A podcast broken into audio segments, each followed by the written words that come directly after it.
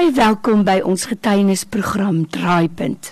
Ek is Lorraine en elke week het ek 'n groot voorreg om te gesels met 'n gas oor 'n getuienis wat jou lewe sal raak. Ek het nou al in hierdie ateljee gesels met soveel mense oor soveel verskillende getuienisse, maar ek weet dat deur alles heen is daar een goue draad en dit is ons dien 'n God wat lewe. Onthou, as jy 'n getuienis het, SMS net vir my die woord draaipunt na 32716 of jy stuur vir my 'n WhatsApp na 084 66 14104. Ek skakel vir jou en dan neem ons ook jou getuienis op. Jy sal sekerlik nog onthou van die groot brand in Betty's Bay. My suster het 'n strandhuis daar en ek moet vir jou sê dit was 'n angswekkende paar ure wat uiteindelik dae geword het. Maar ek dink niemand kon dit beter ervaar of vir ons beter vertel as iemand wat self daar was nie. Nou my gas telefonies vandag is Troula Gosen. Troula, baie welkom en ek is so bly dat jy tyd maak om hierdie verhaal met ons te deel. Ons luister so graag na jou. Baie welkom. Baie dankie Lorraine. Dis baie groot voorreg om vandag saam met jou en die luisteraars te kuier. Nou jy weet Troula, Julle woon op Betty's Bay en ek is seker as 'n inwoner moes dit 'n verskriklike skokkende ervaring gewees het. Daar was van tevore al brande in Betty's Bay, maar hierdie een het nogal groot afmetings afgeneem. Hoe lank bly julle al op Betty's Bay en dan kan jy sommer vir ons begin vertel van daai angswekkende tyd? Rein ons verbintenis met Betty's Bay gaan ver terug. Ons het so 40 jaar gelede ons strandhuis hier gekoop en ons bly nou 11 jaar lank permanent hier. En as ek nou so vanuit 'n persoonlike oogpunt kan begin, Januarie was die einde van my kinders se kuier hier vir die Desember vakansie. En ek en my man Chris het dat die kleintjies gekyk sodat my skoonseun gou voor alles nou verby is vir sy vrou so 'n bietjie kan uitvat vir 'n verjaarsdag bederf. En so was die kinders by ons die oggend van die 1 Januarie toe ons wakker geword het met die vuur in die berg. Ooh, sjoe. Ons het hulle uitgevat na die pikkewyne sommer om hulle bietjie besig te hou en van daar kon 'n mens vreeslik mooi sien hoe brand dit in die berg. En die brand het begin die vorige nag, oujaarsnag, toe iemand 'n onwettige fakkel afgeskiet het en hy het uh, daar na die weste kant van Betty's Bay het hy 'n kruin van 'n berg aan die brand gesteek. Maar het nou van onder af gekyk het, het dit nie vreeslik bedreigend gelyk op daai stadium nie. Die helikopters was baie gou daar. Ons het later na die meer gery en gekyk hoe hulle nou die waterbomme opskep en uitgooi sommer op vir die kinders te wys. En die aand het dit 'n bietjie begin reën en ek het vir die kinders gesê nou gaan die brand heeltemal geblus word. Maar hierdie brand het nou nie daarvoor geluister nie. Die aand, nag, oggend van die 2de, 3de Januarie, toe hy sommer op 'n weggolf vlug gegaan uit op Pringelbaai afgestorm. Die hele ou dorpie moes ontruim word. Daar is baie groot skade. Daar is 'n persoon ook oorlede. Oh. Al is dit nie noodwendig nou direk aan die brand verbonde mm. soos ek nou verstaan nie. En daarna het die brand sy loop geneem vir nog 'n hele week lank. Ja, al langs die Kogelberg totdat dit so hier rondom die 10de daar by Steenbras in die uh, aangeplante plantasies was en die berigte wat ons toe gekry het was dat dit nou onder beheer is mm. en dat die gevaar soort van vir ons verby is. Maar ja, vroeër daai week al het daar so berigte uitgekom van 'n noordwes wat gaan opsteek Vrydag en as jy nou vir Betty Spike ken, sal jy weet dit baie se noordwes is niemand se maat nie. Mm. En ons was 'n bietjie onrustig daaroor, maar teen donderdag, dit was 'n lieflike dag, alles het verby gelyk. En toe die Vrydag.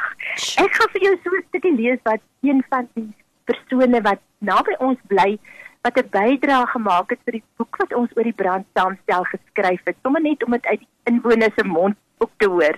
Haar naam is Barbara Venter en sy het geskryf: Ek het vroegoggend, 4uur om presies te wees, ons berge uit my kamervenster gegroet. Wat 'n lieflike dag. Ek het Bobbejane bo in die berg hoor blaf en dit het my onrustig gemaak. Teen 10uur het die lug skielik in 'n rookmis verander. Mm. Ons het besef dat die vuur wat nou al van oujaarsnag af brand nader beweeg. Maar ons het tog geglo dis aan die ander kant van die berg. En dit was die een groot ding van hierdie brand. Dit het almal totaal onvervang. Ja. Despite van al die tekens met die rook en die goed wat hierdie oggend hier oor die woonbuurte van Jocks Bay en Sunny Seas gekom het, die boodskap was uit, dit is uitgebrande veld wat smeel en niemand van ons was bekommerd nie. Sjoe. En as jy nou so verder gaan met die stukkies wat die mense vir ons gestuur het, dan is daai absolute verbasing en oorblufheid. Ek lees sommer 'n stukkie wat Guy Roberts se afgetrede predikant vir ons geskryf het. Hulle was besig om in die huis te kuier toe lui die selfoon dringend. Waar is julle? Ons eet vis en chips saam met Oliver. Gaan julle nie ontruim nie? Wat? Hoekom? Dit brand daar by julle. En ja, so het die brand sy loop geneem en nou is die wonderlike stories daar van die mense se getuienisse. Weet jy, uh daar aan die een kant die verskrikking so 'n direkte buur van 'n vrou van my wat werklik met hulle lewens afgekom het uit die brand geskryf. Ek sal nooit die verskriklike angs in my blinde man se oë vergeet nie. Hy sien niks. Hy ruik net die rook en hy voel die versengende hitte.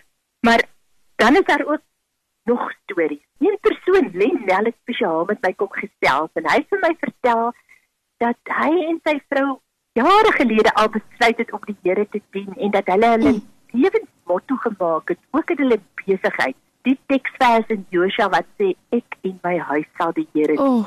En die dag van die brand was vir hulle 'n ongelooflike bevestiging daarvan. Mm. Hy vertel dat hulle ook gevlug het. Skielik was daar net vlamme om hulle en rook so dig dat mense nie kon sien nie. En dit was regtig een van die Sjoe. traumas van die brand. Die mense, die mense het gevlug maar jy kon nie sien waar jy nie. Jy kon nie 'n tree voor jou kar Oh. sien nie. En toe skryf hy uit die bloute as daar 'n kar se ligte voor my. Hy het die ligte gevolg en hy het veilig aan die kant uitgekom. Ai. En dan vertel hy later hoe hy en sy vrou in hulle huisie sit. Krag was vir dae af. Ons het nie water gehad nie. Maar so sonnekrag sit hulle en luister na die radio. En daar was 'n diens en of 'n boodskap en die tema van die boodskap was Here sal vir jou sorg. Ai. En die teksvers wat aangehaal is is vers uit Josua. Ek in my huis sal die Here dien. Sjoe. So dit was regtig vir hulle bevestiging dat die Here hulle ook in die brand vasgehou het en bewaar het en weet jy, dit dit is nie so want dat daar nie op baie verkoelde lyke afgekom Ja. het. Is net 'n wonderwerk. Net een persoon sy lewe verloor aan brandwonde, maar so baie het wonderbaarlik ontkom. Ja. Ek het 'n buurvrou so 2, 3 huise van ons af. Om 'n lang storie kort te maak, sy en haar man het mekaar verloor in die rook. En sy het in die pad begin afhardloop en sy het gesê sy het gevoel hoe die hitte die velle van haar lyf afkroei. En sy het net gedink hier gaan haar kinders en haar kleinkinders haar hoopie as optel. En toe uit die bloute kom daar 'n kar van agter Mm. en mense trek haar in. Ai. Sy's nou nog besig om te herstel aan haar brandwonde, maar sy's oorleef. En net so 'n wonderlike storie is die van twee vrouens, Sonet Pauls en Martie Pinaar. Dis eintlik vir my een van die pragtige stories wat nou in ons boek gaan wees. Uh, hulle vertel hoe dat hulle op die ou end was hulle te laat toe hulle besef die vlamme is op. Hulle kon nie meer vlug nie. Al die paaie was toe. Mm. En hulle het na die rotse toe gegaan soos baie ander mense ook. Maar hulle was nou so hier by die Wetsbaai alleen op hulle eie net die twee vrouens en twee dogtertjies van 8 en 10 jaar oud. Ai. En hulle het regtig op stadiums ook nie geweet of hulle gaan oorleef of nie. En ja, op die ouend was hulle veilig. Hulle huis het nie afgebrand nie en die volgende dag toe sy teruggaan, sy skryf dit self. The next morning I felt compelled to go down to the rocks again and I found a piece of paper fluttering in the wind. En die papiertjie was 'n bladsy van die Bybel uitgebrande bladsy. Psalm 139 vers 1 tot 10. En 'n mens kan sekerlik Ja. nie 'n groter bevestiging kry Ja. dat die Here vir jou sê, hy het jou van voor tot agter en van bo en onder vasgehou en bewaar nie. Sjoe. Ja, wat 'n regte brand wat groot trauma Sjoe. gebring het, maar wat ook ongelooflik baie goeie stories bring en ek dink die mense in ons gemeenskap ook baie nader aan mekaar gebring het. My gas vandag is Troula Gosen. Sy is telefonies met ons in verbinding van Betty's Baai af. Troula, uit al hierdie ontberings, voordat ek nou net afsluit met die boek wat jy besig is om saam te stel. Hoeveel huise het uiteindelik totaal en al afgebrand? Weet jy, ek moet nou baie eerlik wees dat ek self nie eers meer tred hou met die amptelike statistieke nie. Ek dink in totaal is daar by die 70 huise of heeltemal afgebrand mm. of baie baie ernstig geskadig. Maar natuurlik, ek dink dis die een ding van die brand. Dis nie net die groot skade wat 'n mens kan sien wat skade was. Mm.